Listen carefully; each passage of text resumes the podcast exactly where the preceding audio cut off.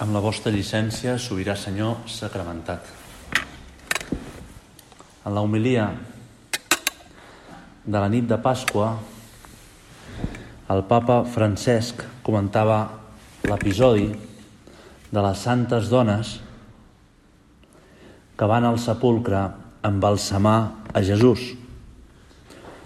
Volen deixar-lo bé pel sepulcre, perquè quedi allà enterrat per sempre. Van allà, esperen trobar a un mort i troben a un viu. Passen de la tristesa a l'alegria, de la relació amb un Jesús mort a la relació amb Jesús viu.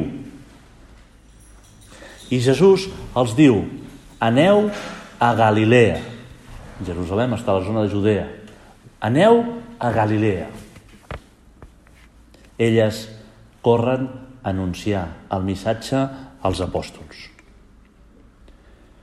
Diu el papa Francesc a la seva homilia de la nit de Pasqua. A vegades, nosaltres també pensem que l'alegria de la trobada amb Jesús és una cosa del passat, mentre que el present són tombes segellades. Fa referència a aquestes tombes jueves que feien corrent una pedra superimmensa rodant que tapava el sepulcre i semblava difícil obrir No? Mentre el present són tombes segellades, les nostres desil·lusions, les nostres amargors, la nostra desconfiança.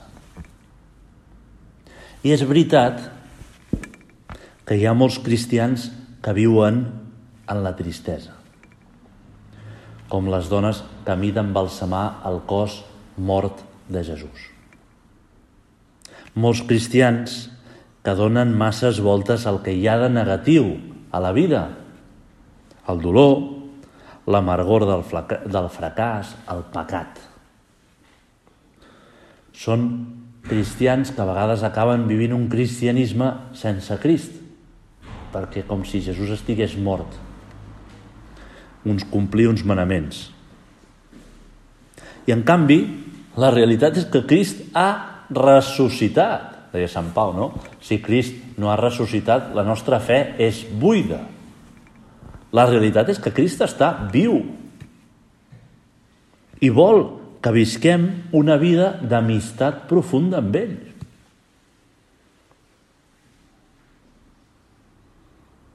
Tu, Senyor, vols que visquem una amistat profunda amb tu. I potser també hi ha cristians que només veuen en Jesús en les coses extraordinàries. Només en els miracles, en els moments d'entusiasme,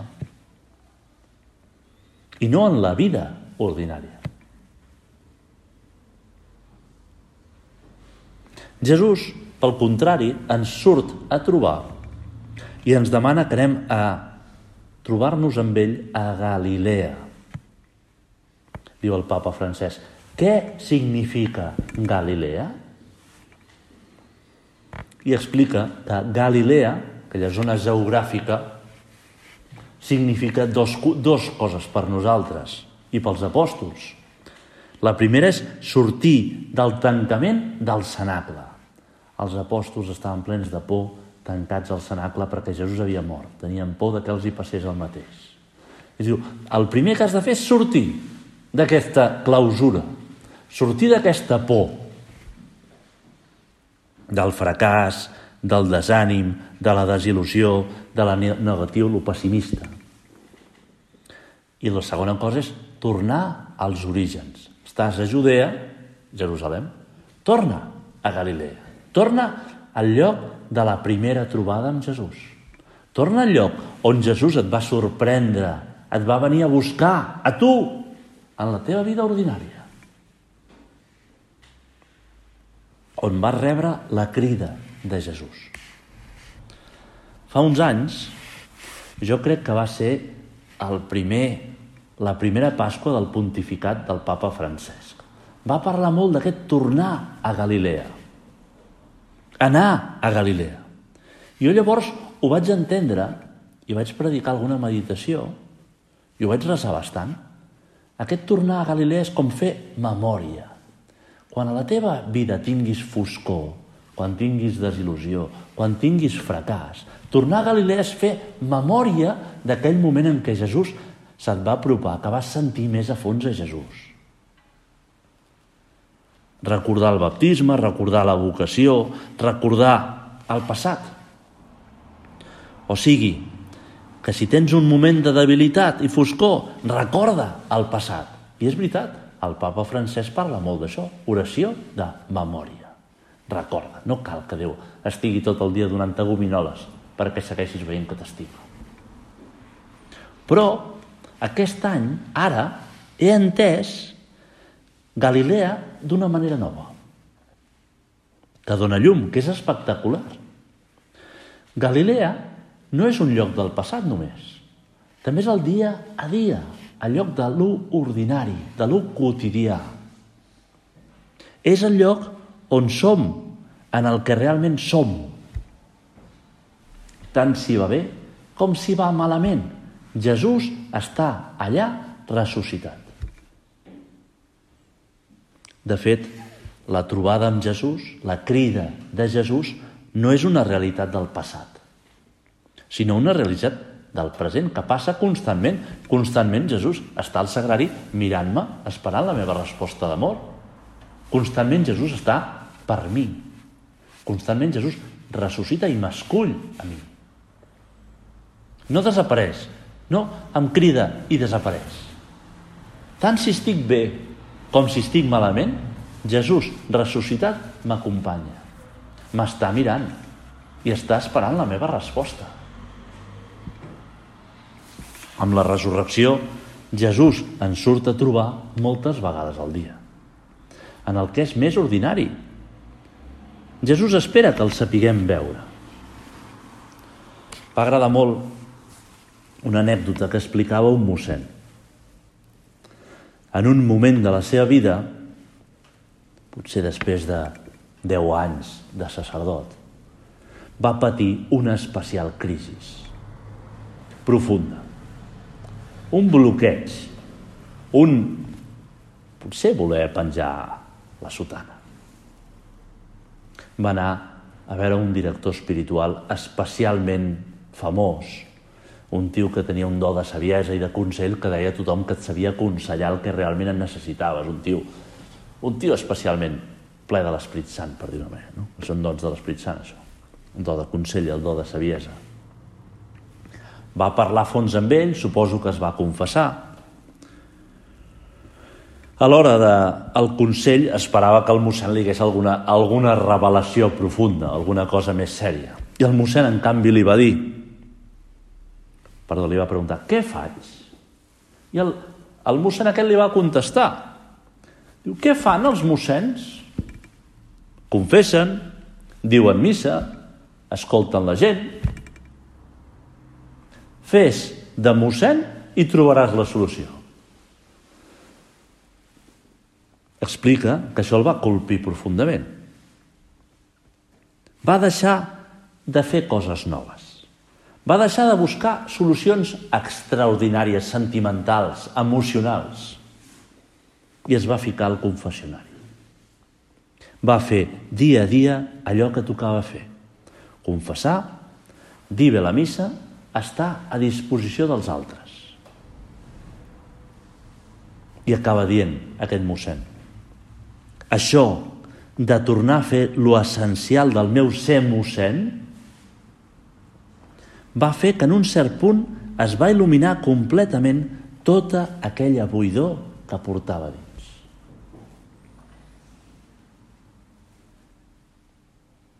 Es va il·luminar tota aquella buidor que portava dins fent de mossèn, donant-me els de més, vivint pels altres, fent el que tocava en el dia a dia. La nostra Galilea, Jesús, és saber trobar Jesús en el nostre dia a dia, en el nostre pla de vida, en el nostre treball ben fet, en el nostre deixar al matí al llit ben fet, Coses bàsiques, però fetes per, ben fetes i per amor. Potser nosaltres ens acostem i dius, què haig de fer? Haig d'anar a Montserrat caminant a peu? Haig d'anar a fer un retiro carismàtic? Haig de... Deixa la roba bruta al cubell de la roba bruta. Arriba puntual a casa. Aixeca't i deixa de veure la sèrie aquesta de televisió per ajudar la teva dona, la teva nòvia, la teva... La nostra Galilea és saber trobar Jesús en el nostre dia a dia. Allí ens parla Déu. No podem estar esperant moments extraordinaris. Una JMJ, ara que la tenim davant, no? Una adoració, un moment de recés especial. Això és una temptació.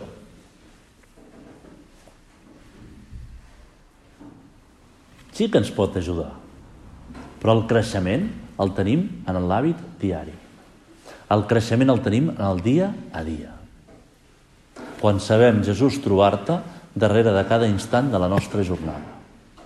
Quan vivim de manera extraordinària l'ordinari, quan vivim a Galilea. Hi ha un exemple que volia posar de la Mare de Déu. Davant l'anunci de l'àngel, Gabriel, un anunci desproporcionat, absolutament desproporcionat, vol ser la Mare de Déu, ella ens dona dos exemples molt clars. El primer, que és que en comptes de contestar per què, contesta com. En comptes de contestar per què, retant a Déu, desafiant a Déu, ho haig d'entendre tot, pregunta, com ho faig això? Me n'adono que tu ets Déu i jo sóc una criatura. Com vols que ho faci, Senyor? Canvia molt, eh? Com puc fer això? Com s'afronta això que tinc davant de la meva vida ordinària? Molts cops veus gent que s'equivoca. I jo tantes vegades m'he equivocat. Ens quedem pensant, per què em passa a mi això? Per què Déu permet això? Dius, que no te n'adones que estàs retant a Déu? Que t'estàs confrontant a Déu en peu d'igualtat? Que no te n'adones que és una tentació d'orgull, això? Que t'has de preguntar com? Com ho faig, senyor? Quins, quins, qui, què esperes de mi en aquesta situació? Com et puc estimar en aquesta situació?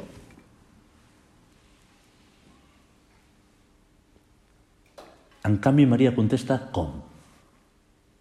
I davant l'explicació de l'àngel diu L'Esprit Sant vindrà sobre teu, et cobrirà amb la seva ombra i el fruit que tindràs del teu ventre serà anomenat fill de Déu. La mare diu, olé, aquí estic.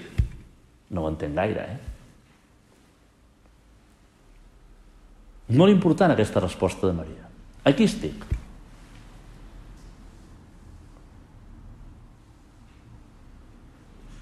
El segon exemple, el primer és en vez de preguntar per què, és dir, com ho faig, Senyor? El segon exemple que ens dona Maria és Maria es posa a fer les coses ordinàries. Maria es posa, què puc fer jo ara? Doncs pues cuidar la meva cosina Elisabet. No demana, doncs pues vull un no sé què, vull sentir-me bé, vull no sé què, vull tenir una seguretat interior. Vull... No, no, es posa a servir.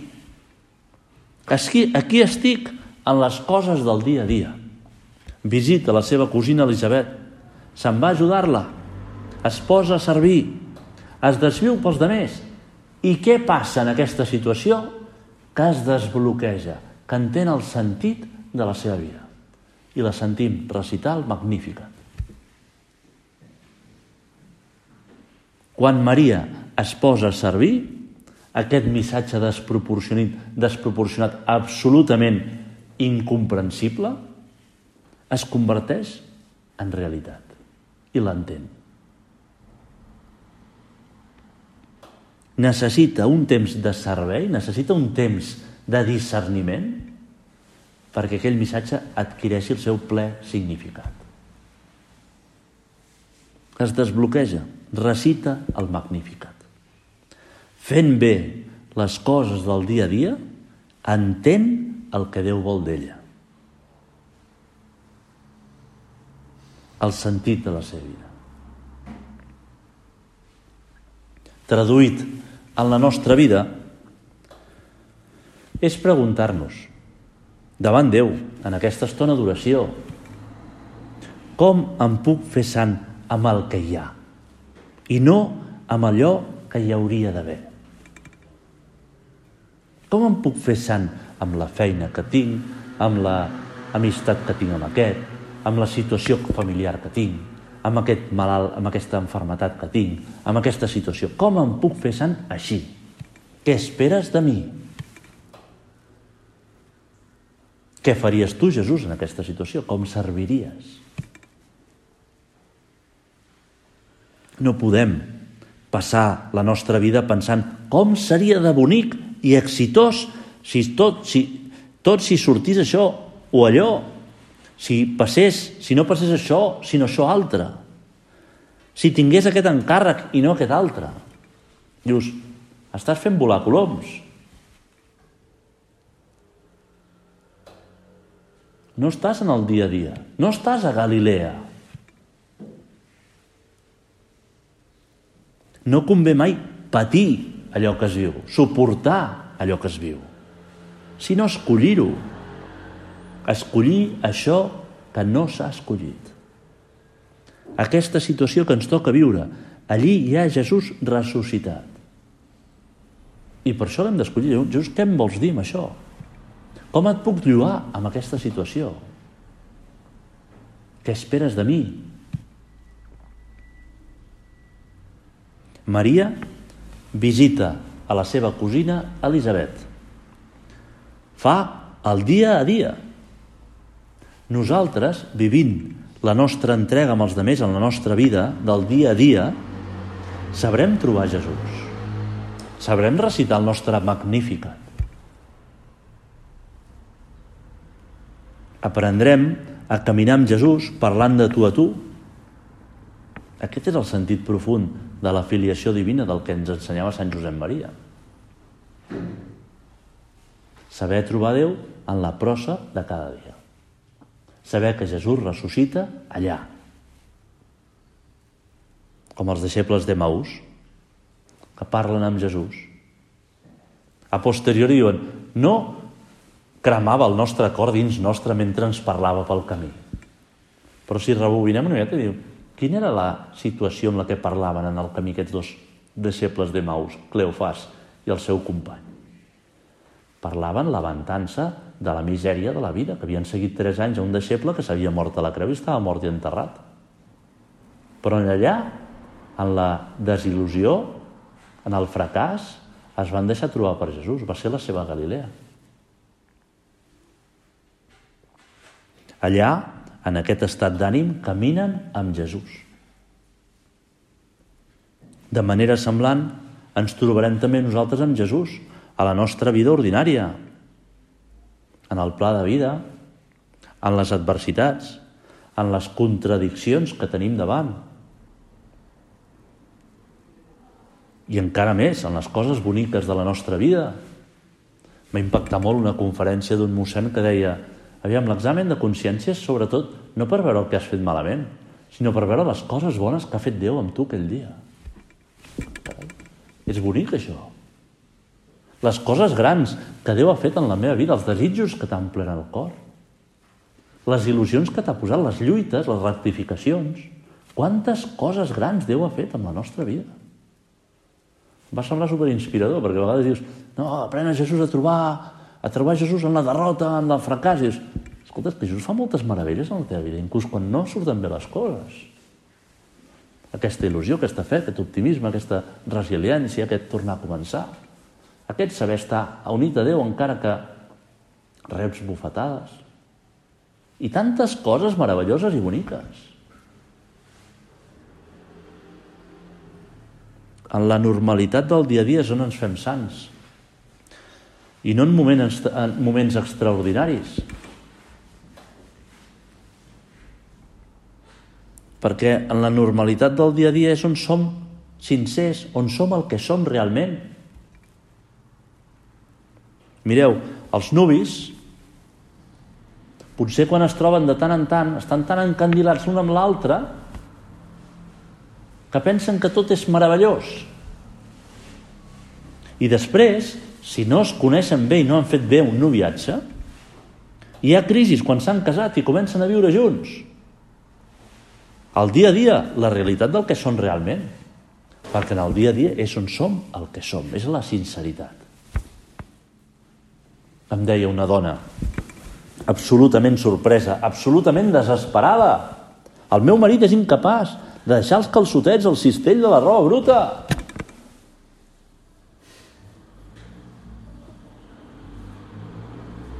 Un mitjó tirat per terra, desordre, eh, arribar a casa i sentar-se a veure la tele, eh, sense dir un detall com què espera la meva dona de mi avui o la meva nòvia, no sé. Les virtuts humanes són el recolzament, el fonament de la sobrenatural. A mi em fa por quan veig un tio jove que no té virtuts humanes. Jo em vaig de casar, dius...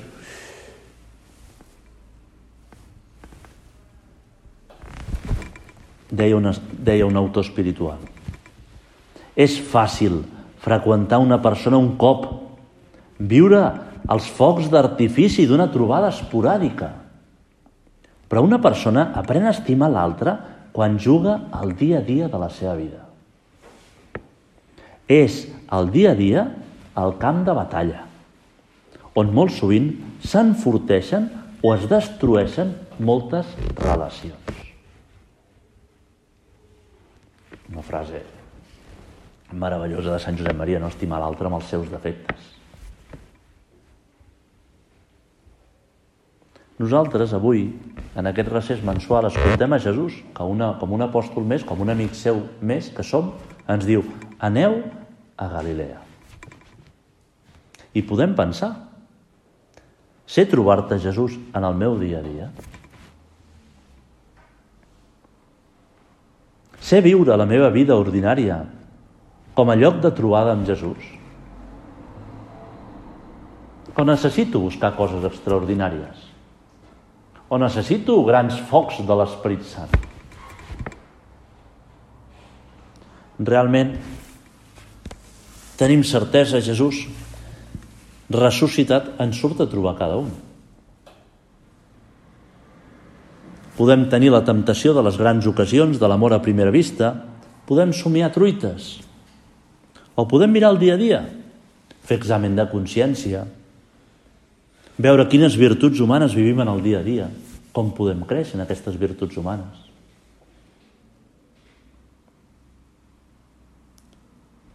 O quines està esperant Jesús que lluitem perquè ens les posa davant. També tenim l'exemple de Sant Josep. També el dia a dia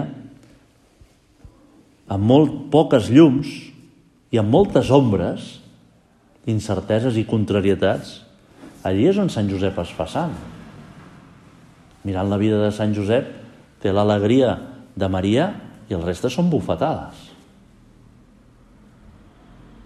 Tot. El reste són ombres. I allà sap trobar-se Déu. I allà sap unir-se a Déu. I allà sap ser sant. Nosaltres Tenim a Jesús ressuscitat. Som amics teus, Jesús. Tenim una relació personal d'amistat amb ell. Jesús vol ressuscitar en la teva vida ordinària. Jesús vol ressuscitar en la teva quotidianitat. quotidianitat. Jesús vol que sapiguem trobar-lo allà. Aquí podem ser sants. Aquí podem entendre Jesús com la Mare de Déu, el sentit profund de la nostra vida. La fidelitat en el dia a dia. És veritat que a vegades necessitem estímuls extras, extraordinaris, de tant en tant moments de sentiment profund, d'il·lusió, però quan ens centrem en la recerca d'estímuls extras, l'ordinari es converteix en una presó. El dia a dia es converteix en una presó i llavors el dimoni ha guanyat la guerra. Perquè apareix la temptació, l'evasió de l'avorriment del dia a dia. Apareix la transgressió i apareix el pecat. Quan l'home viu només de la recerca de lo extraordinari. Quan no sap trobar en el dia a dia a Jesús. Acabem mirant a la Mare de Déu. A la nostra volem descobrir el nostre sentit profund de la filiació divina, el que som, el sentit de la nostra vida. Només ho podem fer si ens trobem a Jesús en el dia a dia.